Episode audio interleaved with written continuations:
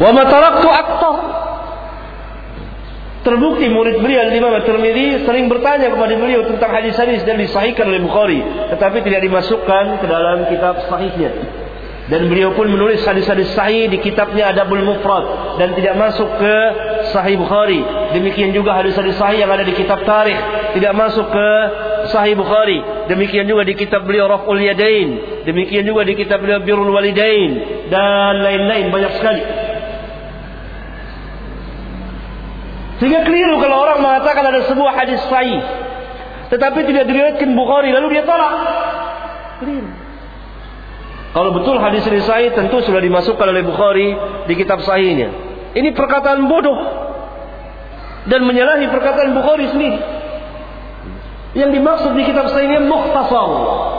Dari sini kita mengetahui bahwa seluruh hadis yang ada di kitab Sahih Bukhari menurut Al-Imam Al-Bukhari semuanya hadis sahih. Pertama dan musnad bersanad termasuk hadis-hadis muallak yang memang ada asalnya di kitab Sahih Bukhari, misalnya muallak di kitab di Kitabul Ilmu, kemudian beliau mau mausulkan di kitab salat. Ini masuk dalam Sahih Bukhari. Setiap hadis yang ada sanatnya dari beliau itu masuk asli kitab Sahih Bukhari.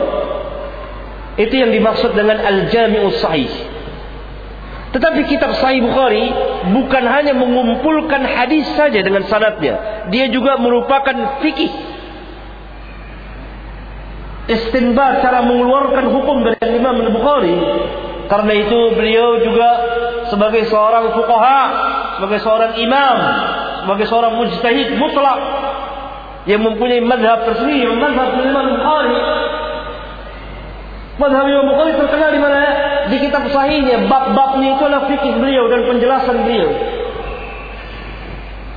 Karena itu beliau memerlukan yakni ayat-ayat Al-Quran untuk memberikan penjelasan.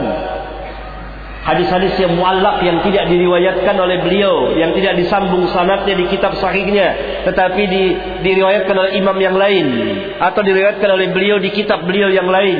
Ini tidak termasuk dalam bagian Jami'us Sahih. Karena yang jami'us sahih yang musnad bersanad dari beliau. Terus Hadis-hadis muallak yang tidak ada di kitab beliau dimausulkan disambung sanadnya di kitab Sahih Bukhari juga, disambung sanadnya di kitab imam yang lain, maka bukan tidak termasuk al-aslu yang asal dari kitab Al-Jami'us Sahih. Kenapa beliau masukkan ke situ? Kenapa beliau bawakan?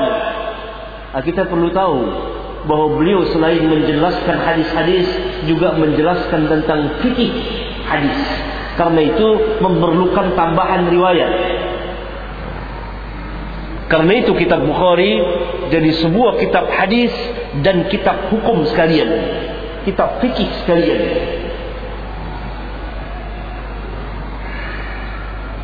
Kawan-kawan yang hadir di majelis Sabtu tentu tahu saya sering menjelaskan riwayat-riwayat tersebut. Ya.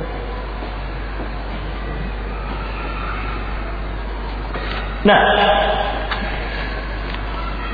para ulama baik di masa beliau maupun yang sesudahnya senantiasa mengadakan kritikan ilmiah terhadap kitab Sahih Bukhari. Walaupun para ulama telah sepakat akan kesahihannya, tetapi tidak berarti bahwa seseorang itu maksud bebas dari kesalahan, huruf dan lafaz dan kalimatnya tidak pernah salah. Tidak demikian. Tapi mereka mengakui sesahih-sahih kitab sesudah Al-Quranul Karim adalah kitab Al-Jami'us Sahih Al-Imam Al-Bukhari. Tidak berarti tidak ada cacatnya. Tidak ada satupun kitab yang tidak ada cacatnya kecuali kitab Allah Al-Quran.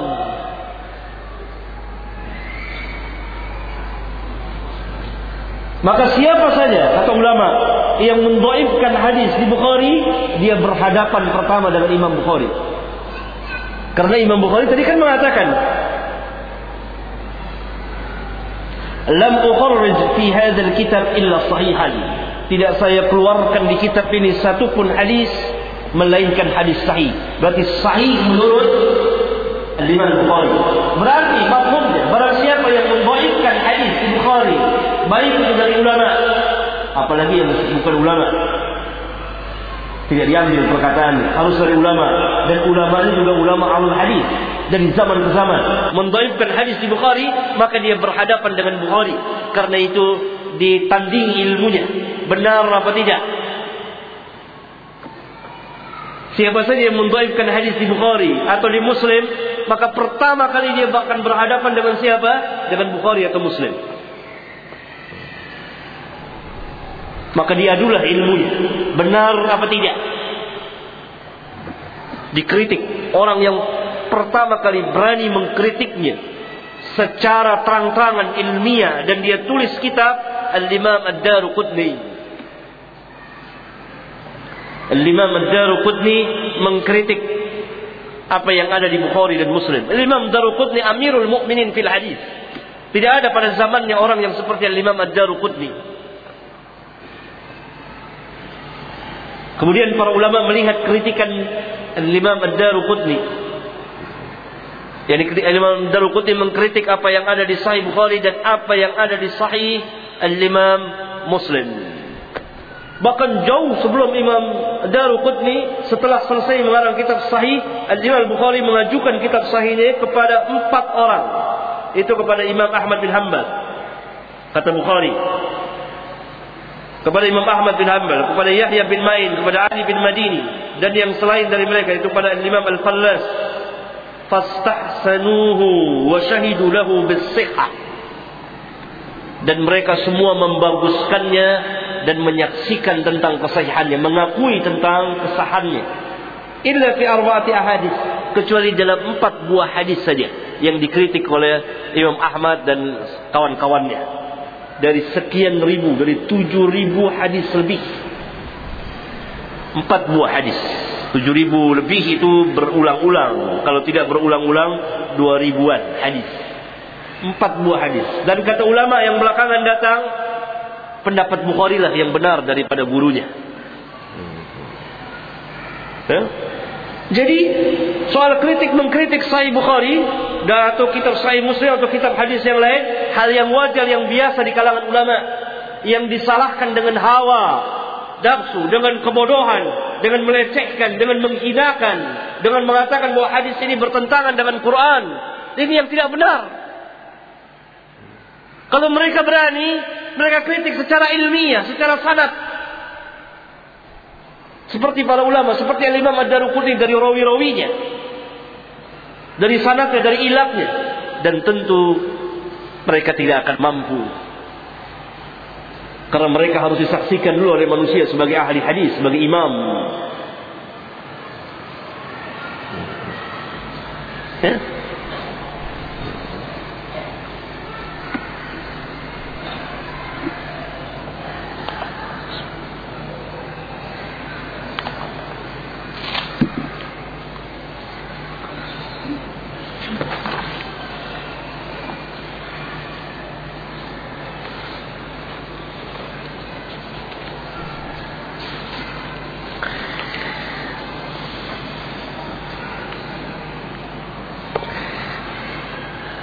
Dari sini kita mengetahui sebab-sebab Bukhari mengarang kitab dan maudhu isi dari kitab Sahih Bukhari. Sebab-sebabnya itu sudah tahu isinya apa? Pertama, mengumpulkan hadis-hadis sahih secara ringkas, mukhtasar. Berarti masih banyak hadis-hadis sahih yang tidak diriwayatkan dimasukkan oleh Bukhari di kitab sahihnya. Demikian juga oleh Imam Muslim. Yang kedua, beliau menjelaskan mak maksud dari hadis tersebut, jadi fikih hadisnya. Itu maudhu isi dari kitab Sahih Bukhari.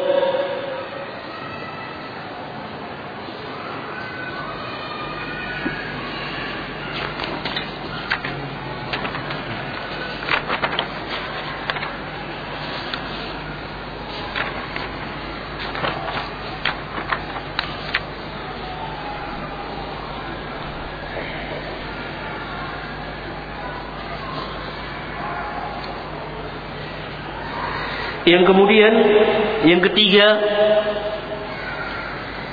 Al-Imam Al-Bukhari telah memberikan persyaratan di kitab sahihnya bagi rawi-rawi atau hadis yang akan dia masukkan ke dalam kitab sahihnya. Yang pertama, rawi-rawinya harus terpercaya, siqatun.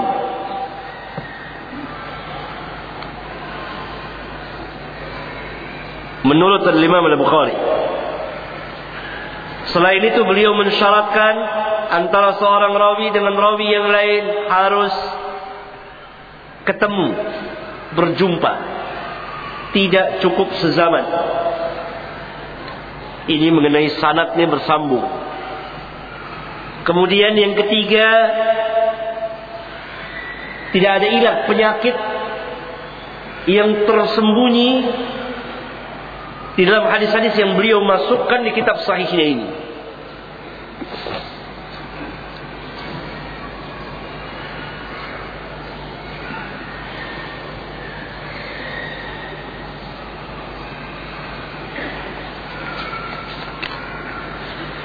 Sehingga apabila seseorang eh, kalau orang mau mengkritik itu harus berhadapan dia mendaifkan salah satu ini imma rawinya dhaif imma sanatnya terputus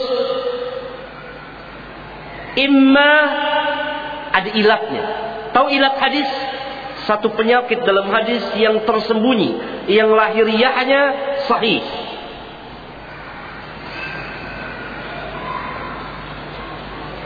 Mereka mengkritik begitu? Tidak. Para imam mengkritik begitu. Satu di antara tiga itu. Rawi-rawinya ada yang kurang siqah. Tetapi Bukhari mempunyai kecerdikan yang luar biasa. Yang seolah-olah seorang terkapar berhadapan dengan Bukhari itu. Ada di kitab sahihnya rawinya yang hafalannya dibicarakan. Itu ada sebagiannya. dari segi hafalannya. Tetapi rawi ini punya penguat dari jalan yang lain. Tidak berdiri sendiri. Baik hadis itu dikeluarkan oleh Bukhari di kitab sahihnya atau oleh imam yang lain. Sehingga diketahui bahwa yang jadi pegangan bukan rawi itu. Tapi yang jadi pegangan hadis itu sendiri. Paham? Sebuah hadis di Bukhari. Bukhari meriwayatkan misalnya ada seorang rawinya yang hafalannya kurang. Taruhlah dhaif. Maka rawi ini tidak berdiri sendiri, tapi ada penguatnya dari jalan yang lain. Yang menguatkan riwayatnya, baik di kitab Sahih Bukhari sendiri atau di kitab yang lain oleh imam yang lain. Sehingga yang yang yang di, yang yang jadi pegangan adalah bukan rawi itu, tetapi hadis itu. Hingga keluar kata ulama sanad dhaif matan sahih. Kenapa sanad ini dhaif tapi matannya didukung oleh riwayat yang lain jadi sahih. Begitu Imam Bukhari. Dan itu bisa hanya ada dua orang rawi yang betul-betul dibicarakan. Sehingga dikatakan dhaif. Tetapi keduanya ini tidak berdiri sendiri.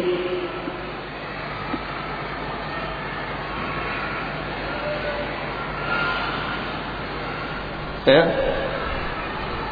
Kemudian, nah itu, nah begitu caranya. Dan Imam Daruqutni seperti itu.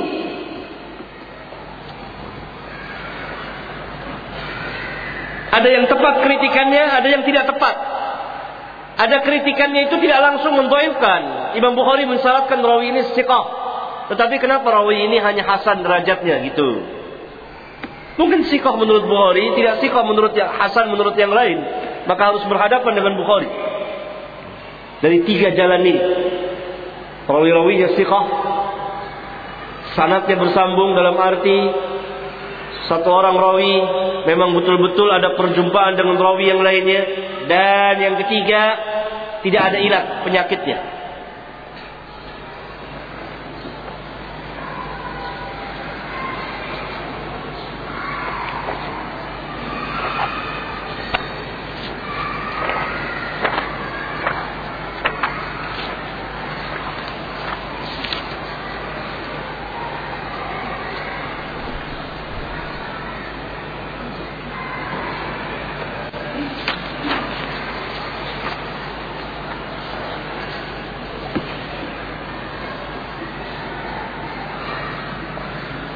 Ayuhal ikhwah, karena kita sediakan waktu untuk bersoal jawab.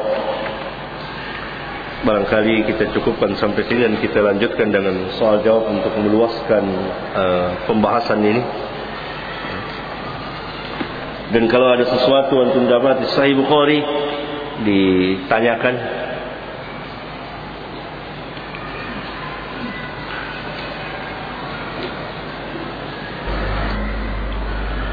Bagaimana pendapat Ustaz tentang Imam Al-Bani Allah Ta'ala yang membaifkan beberapa hadis Imam Al-Bukhari? Apa benar hadisnya ada yang baif Imam Imam Al-Bani Imam Darul Qudni Imam Al-Bani Amirul Mu'minin fil hadis pada abad ini Punya hak mutlak Untuk mengatakan hadis ini sah atau tidak. Kan ilmiah Masing-masing berijtihad dengan ijtihadnya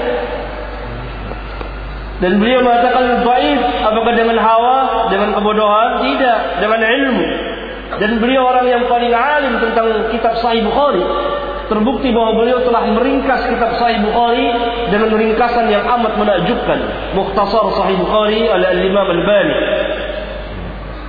Hak beliau untuk mendaifkan sebagian hadisnya dengan salatnya dengan dengan ilmiah kritikan dan itu bisa dihitung dengan jari satu atau dua buah hadis sama seperti para ulama yang lain hal yang wajar. Yang tidak wajar dan aneh orang-orang juhala orang-orang yang bodoh. Dengan hawanya dan kebodohannya dia seenaknya membaifkan hadis. Tanpa keadilan dan ilmu. Tidak tegak dalam ilmu dan keadilan. Harusnya kalau hadis dengan ilmu hadis.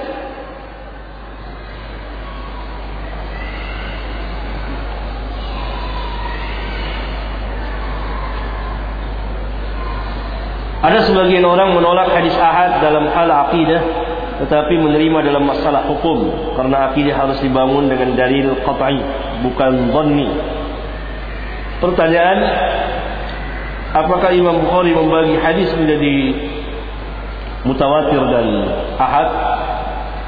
Apakah ada riwayat yang menerangkan apa nih? Pernikahan beliau? Tahu, ini ada jadi pembicaraan kita. Eh beliau Abu Abdullah punya anak. Tidak ditanyakan kalau masalah ini. Imam Bukhari membagi hadis mutawatir dan ahad. Ma'ruf ini adalah salah satu bagian dari ilmu hadis. Hadis mutawatir dan hadis ahad. Tetapi pembagian ini tidak mempengaruhi sedikit pun juga tentang pelaksanaan dasar hukum. Pegangan. Tidak ada pengaruhnya. Hadis mutawatir dan ahad dipakai untuk akidah dan hukum. Sama saja. Hanya dikatakan mutawatir untuk menunjukkan ketinggian derajat dari jurusan banyak dan sedikitnya orang yang meriwayatkan hadis. Karena hadis yang sampai kepada kita itu ada dari melalui jalur yang begitu banyak, ada jalur yang sedang, ada jalur yang sedikit. Ada yang hanya beberapa orang, hanya ada yang satu orang saja yang meriwayatkan. Seperti hadis innamal a'malu binniyat. Berapa orang yang meriwayatkan? Satu orang, Umar bin Khattab. Hadis itu berbicara apa? Berbicara tentang akidah, berbicara tentang hukum. Apa kita akan tolak? Ini madhab yang sesat dan menyesatkan dari kaum Mu'tazilah yang dahulu dan yang sekarang.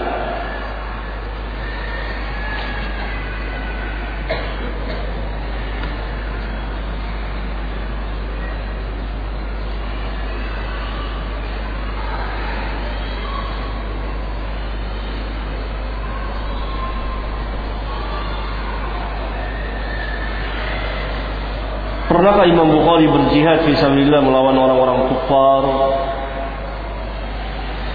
Perlu antum tahu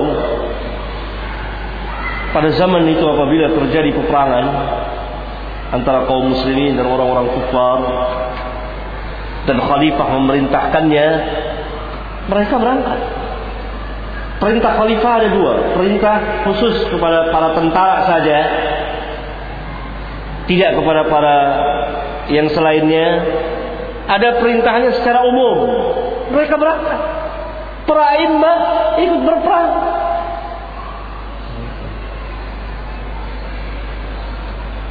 Ya, tidak seperti orang-orang yang berteriak-teriak jihad sekarang. Yang mereka teriakkan bukan jihad, tapi perusakan. Selain itu, jihad punya arti yang luas.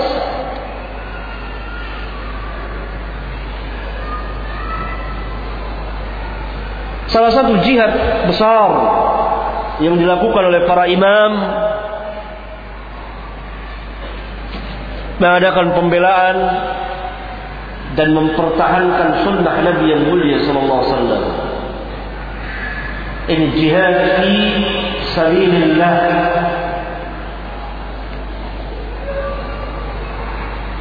Dari mana diambilnya jihad fisik?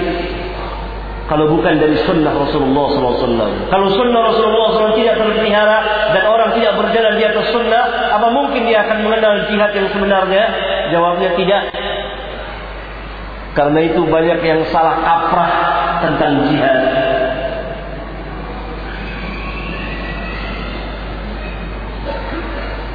Ngebom sana, ngebom sini, namakan jihad.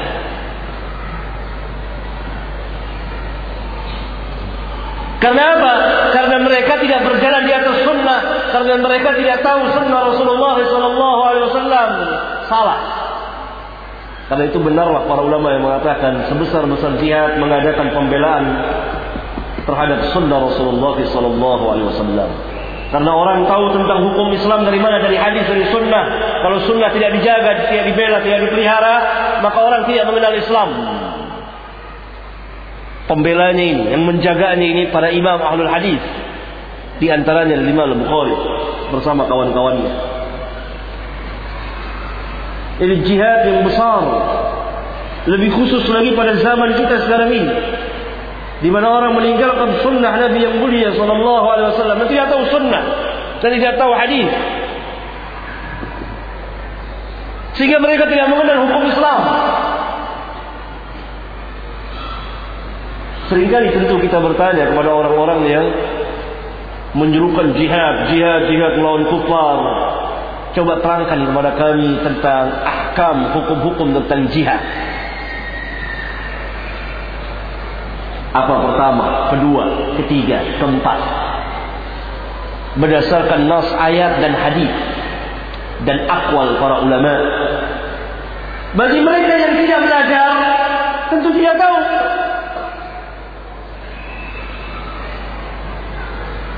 Belum lagi mengenai harta rampasan perang. Bagi mereka yang tidak belajar tidak tahu. Karena itu jihad apa yang mereka katakan. Bagi kaum muslimin di antaranya antum insyaallah taala yang pernah duduk di majelis belajar kitab Bukhari dari kitabul jihad selama kurang lebih dua tahun lamanya Tentu sedikit banyak ada gambaran dan antum tahu. Apa yang dimaksud dengan jihad? Bagaimana tentang jihad? Keutamaannya dan seterusnya dan seterusnya sampai kepada harta rampasan perang, sampai kepada jizyah dan seterusnya. Ada di mana? Di sunnah Nabi yang mulia sallallahu alaihi wasallam. Akan kita ketahui dengan apa? Salabatul ilmu, dengan belajar.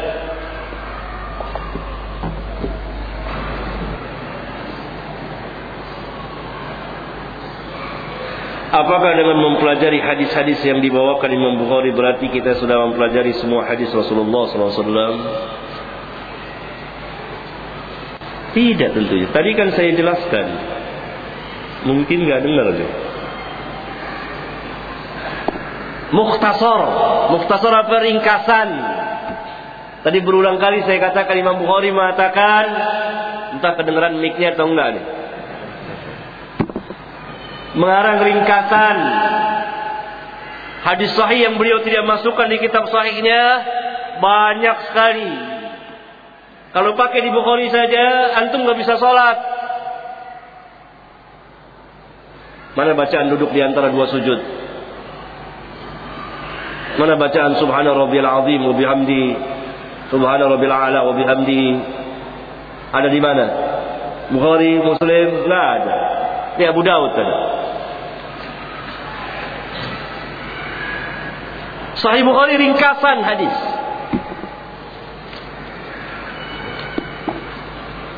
Yang dilihat bukan kitab Sahih Bukhari kitab enggak. Dicari hadis Rasulullah. Sahih dari mana saja. Itu pegangan kita. Tetapi Sahih Bukhari memiliki keistimewaan sendiri, yaitu kitab yang paling sahih sudah Al-Quranul Karim.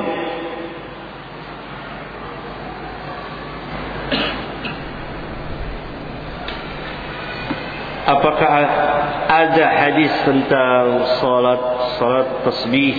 Ada hadisnya dan telah disahkan oleh sebagian ulama dan saya kira itu pendapat yang tepat.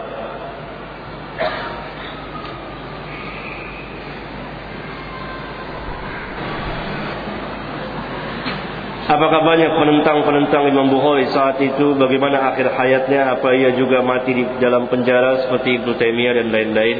Tidak. Mati seperti biasa di rumah. Dan penentangnya banyak.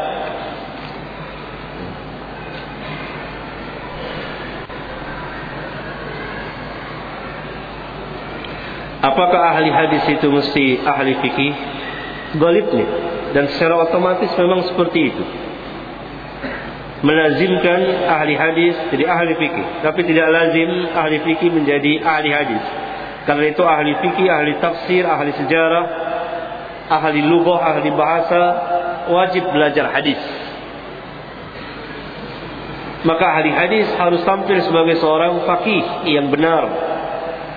Kalau tidak maka dia hanya mengetahui hadis tanpa mengetahui fikih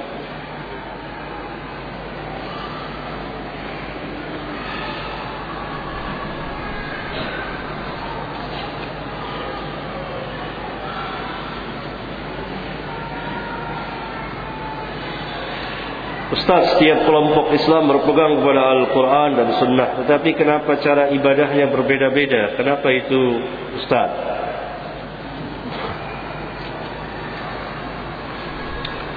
Kalau perkataan syiar pernyataan berpegang dengan Al-Quran dan Sunnah, iya, setiap Muslim seperti itu. Apa pernah kita mendengar seorang muslim mengatakan saya tidak berpegang dengan Al-Quran dan Sunnah? Enggak. Pernah? Enggak. Tetapi apakah kita berpegang dengan Al-Quran dan Sunnah secara ilmu, amal dan dakwah? Bagaimana kita memahaminya? Benar-benar berpegang apa yang dimaksud dengan berpegang? Itu yang membedakannya.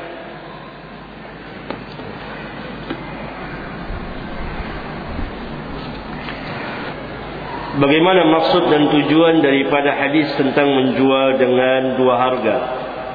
Itu hadis sahih. Maksudnya kontan sekian, kredit sekian, tempo sekian. Misalnya kontan satu juta, tempo satu juta setengah. Ini jual beli ribawiyah yang patut dihindari oleh setiap, dijauhi oleh setiap muslim agar barakah hidup dan kehidupannya.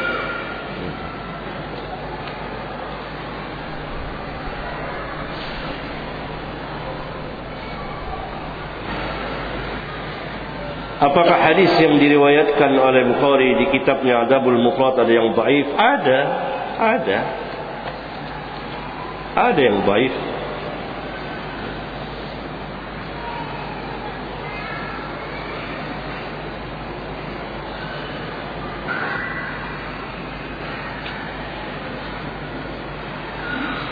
Berapa lama Imam Bukhari membuat menulis kitab Jami'us Sahih dan pada tahun berapa? Beliau menulis selama 16 tahun di berbagai macam kota.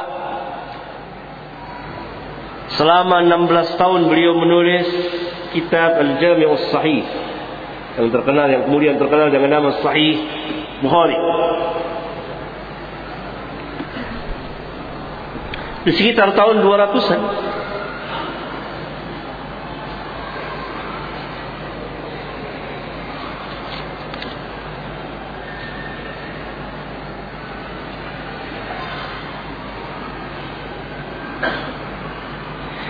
Bagaimana hukum orang yang menjelaskan din apa din hanya berdasarkan Al-Qur'an saja seperti pada buku kecil yang diterbitkan oleh Yayasan Al-Mu'min.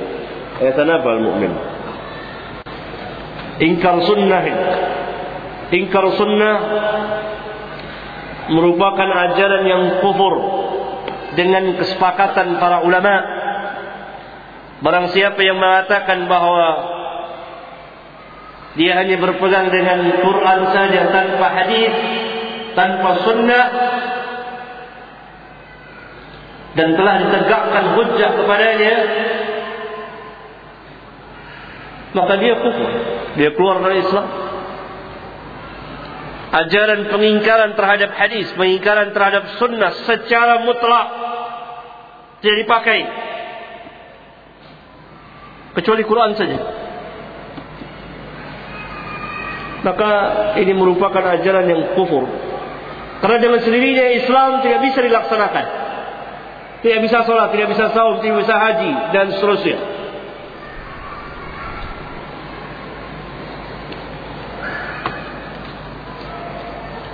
Saya tidak mengira ajaran ini mulai bangkit lagi. Dan ini menunjukkan kelemahan kita dalam sunnah dan hadis Rasulullah sallallahu alaihi wasallam.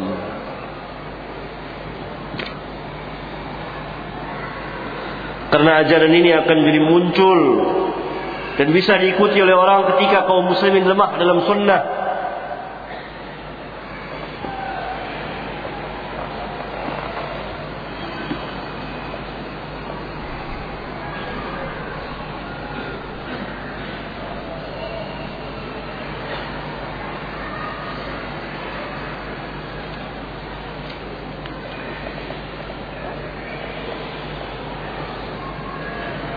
Ustaz akan tanya bagaimana tingkatan hadis ini. Barang siapa yang barang siapa mencintai seseorang tapi ia menjaga dari perbuatan dosa atau zina dan ia menyimpan saja menyimpan sampai mati maka ia syahid. Ini hadis palsu.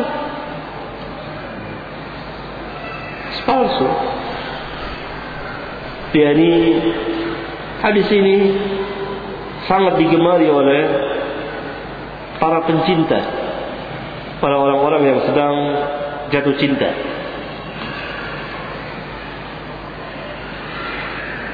Tetapi tidak sanggup untuk nikah. Kalau dia perlu pakai hadis ini, barang siapa yang mencintai seseorang, kemudian dia pendam saja di hatinya, dia tidak beritahukan orang itu, sampai dia mati, tersiksa dengan cintanya itu, maka dia mati-mati syahid.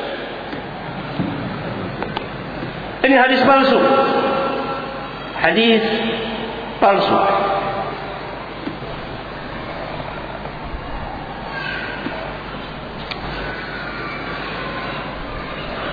Bagaimana cara kita membantah orang yang mendaifkan hadis Imam Bukhari pada sahihnya karena matan hadis bertentangan dengan Al-Quran? Mana dia contohnya? Siapa yang tanya ini? Maju ke depan, berikan contoh sama saya. Apa kata orang itu bertentangan dengan Al-Quran? Hadis yang mana dan ayat yang mana? Nanti akan saya singkat insyaAllah ta'ala.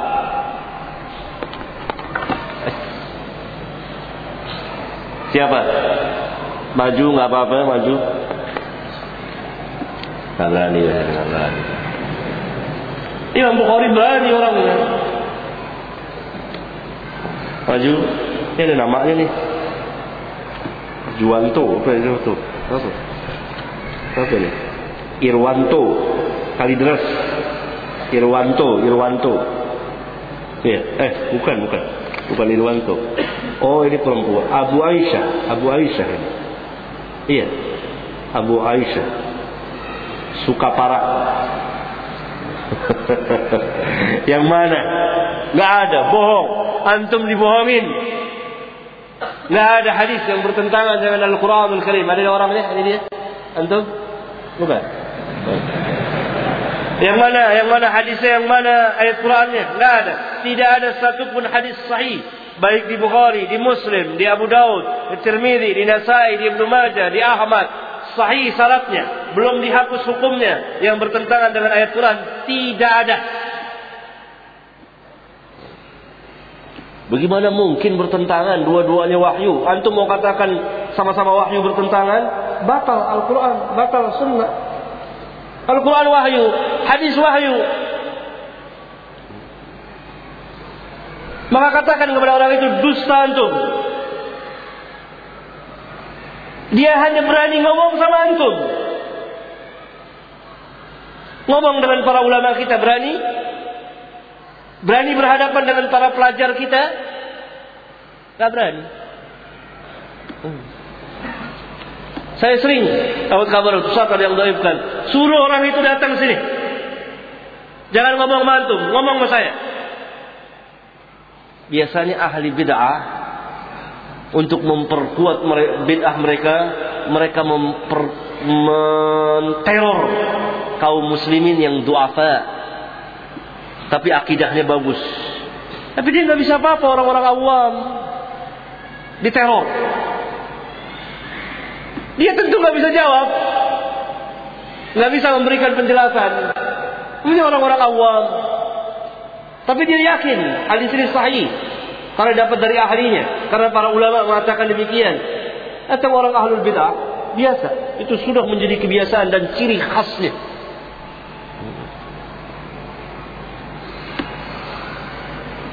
Dia teror orang-orang awam, ditakut-takuti orang-orang awam.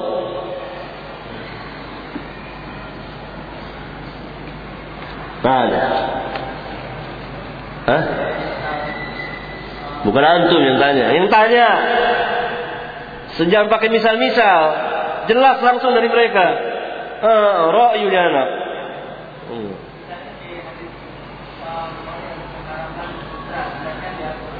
Kata mereka begitu?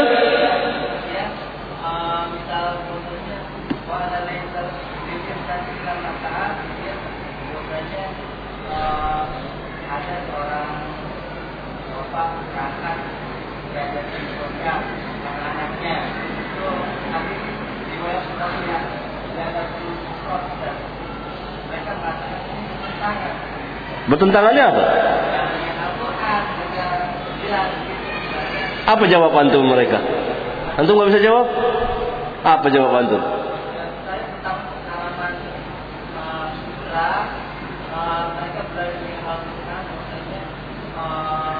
siapa yang mengharamkan tidak apa perhiasan kami jawab ya itu umum mereka ini betul ada pun apa uh, dari tentang wahan dari dari dan itu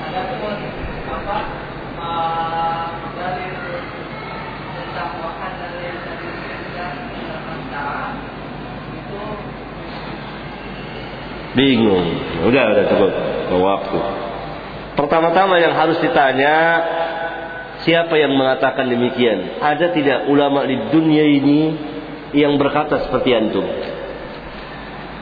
Mati. Sahih?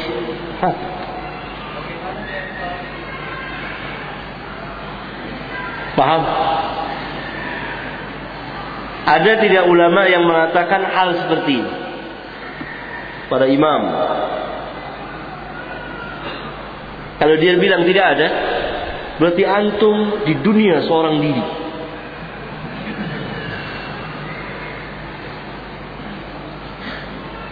Berarti perkataan antum sesuai dengan kaidah antum bertentangan. Sebagaimana antum katakan hadis bertentangan dengan Quran. Apa yang antum katakan dengan kaidah antum sendiri bertentangan. Jadi riwayat antum bertentangan dengan riwayat orang banyak. Mana yang lebih kuat? Lima sama satu mana yang lebih kuat? Logika. Lima. Ulama lima? Enggak. Ribuan, ratusan ribu. Pertentangan. Maka kembalikan kepada kaidah mereka sendiri. Baik, pertentangan. Satu. Lihat. Barangkali ngomong mantu bukan ustadz nih tadi. Hah? Pernah ngomong langsung mantu Siapa orangnya? Ustadznya? Temen Allah. Jangan. Riwayat di sini ustadznya. Paham?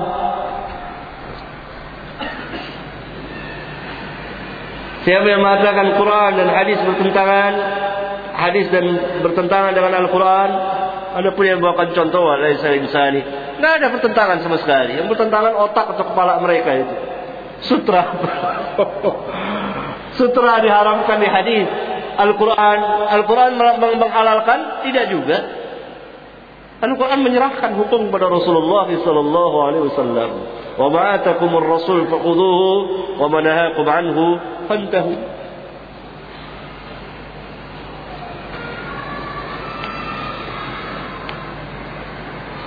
Tolong dijelaskan penyakit yang tersembunyi di dalam hadis. Misalnya hadis itu sudah kelihatan rawi-rawinya siqah, sanatnya bersambung dan lain-lain.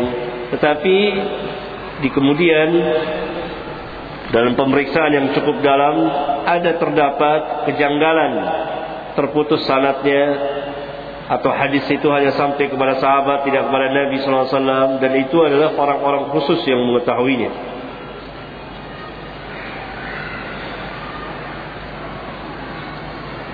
Itu kita kaji menjadi kitab pengambilan pokok oleh Al-Hafiz bin Hajar yang dikatakan Mausu'atul Hadisiyah ensiklopedia hadis Fathul Bari yang telah mengadakan pembelaan besar-besaran terhadap Bukhari dan kitab sahihnya. Yang kedua, Umdatul Qari. Yang ketiga, Hadjus Sari. Dan banyak sekali. Bahkan Imam An-Nawawi mensyarahkan kitab Sahih Bukhari belum lengkap sampai Kitabul Iman meninggal. Kalau jadi tentu akan ada kitab Syarah Bukhari yang sangat bagus sekali seperti Syarah Muslim oleh Imam An-Nawawi. Imam Nawawi mensyarahkan kitab Sahih uh, Bukhari. Dari syarah hadis ini kita bisa mengetahui apa hadis-hadis di Sahih Bukhari dari jurusan sanad maupun matannya. Tahu Al-Hafidh bin Hajar membuat mukaddimah Sahih Bukhari, mukaddimah Sahih Bukhari, syarah Sahih Bukhari lima tahun namanya. Mukaddimah syarah Sahih Bukhari. Dan sangat sulit dipahami kecuali oleh orang-orang yang biasa belajar hadis.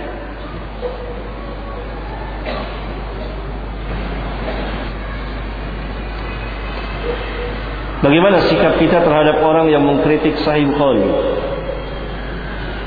Kalau para ulama harus berlapang dada, siapa? Kalau orang-orang juhala seperti yang sebutkan saya Jalaluddin Rahmat dan kawan-kawannya, ini mubtadi ahlul bidah. Ini bukan kritikan, tapi caci maki. Karena bukan dengan ilmu, dengan hawa. Tidak tegak dengan keadilan tapi dengan kezaliman. Tapi kalau para ulama seperti Imam Ad-Daruqutni dan lain-lain sampai Imam Al-Bani rahimahullah taala hak mereka al ulama dan dari situ kita mendapat ilmu yang banyak bagi para pelajar. Tapi yang dari mereka bukan kritik. Kita ingin menghancurkan sunnah Nabi yang mulia sallallahu alaihi wasallam dan kebencian kepada Ahlus Sunnah wal Jamaah, kebencian kepada Imam Al-Bukhari sebagai imam Ahlus Sunnah wal Jamaah. Karena itu betullah apa yang dikatakan oleh Imam Muslim, tidak ada yang membencimu illa hasid kecuali orang yang hasad. Antum lihat orang-orang yang menulis itu di Bukhari, mengkritik bukan kritik mencaci maki ini dhaif hatinya hasad dengan Imam Bukhari.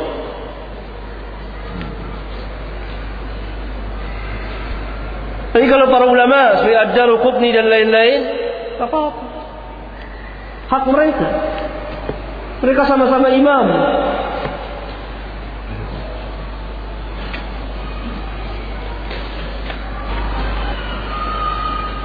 Habis waktunya. Sudah 4 menit. Ya menit. Ada yang tanya, saya Abdul Qadir Jailani sezaman enggak sama Bukhari? Enggak. Saya Abdul Qadir Jailani hidup di abad kelima Hijriah.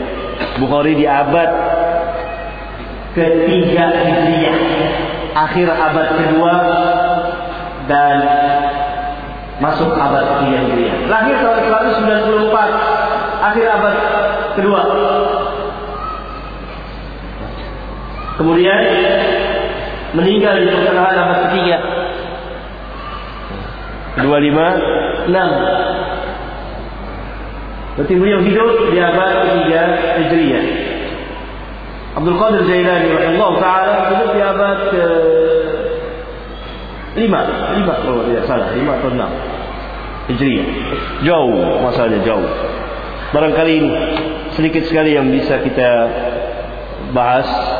Mudah-mudahan yang sedikit ini ada manfaatnya bagi kita sekalian. سبحانك اللهم وبحمدك أشهد أن لا إله إلا أنت أستغفرك وأتوب إليك. والسلام عليكم ورحمة الله وبركاته.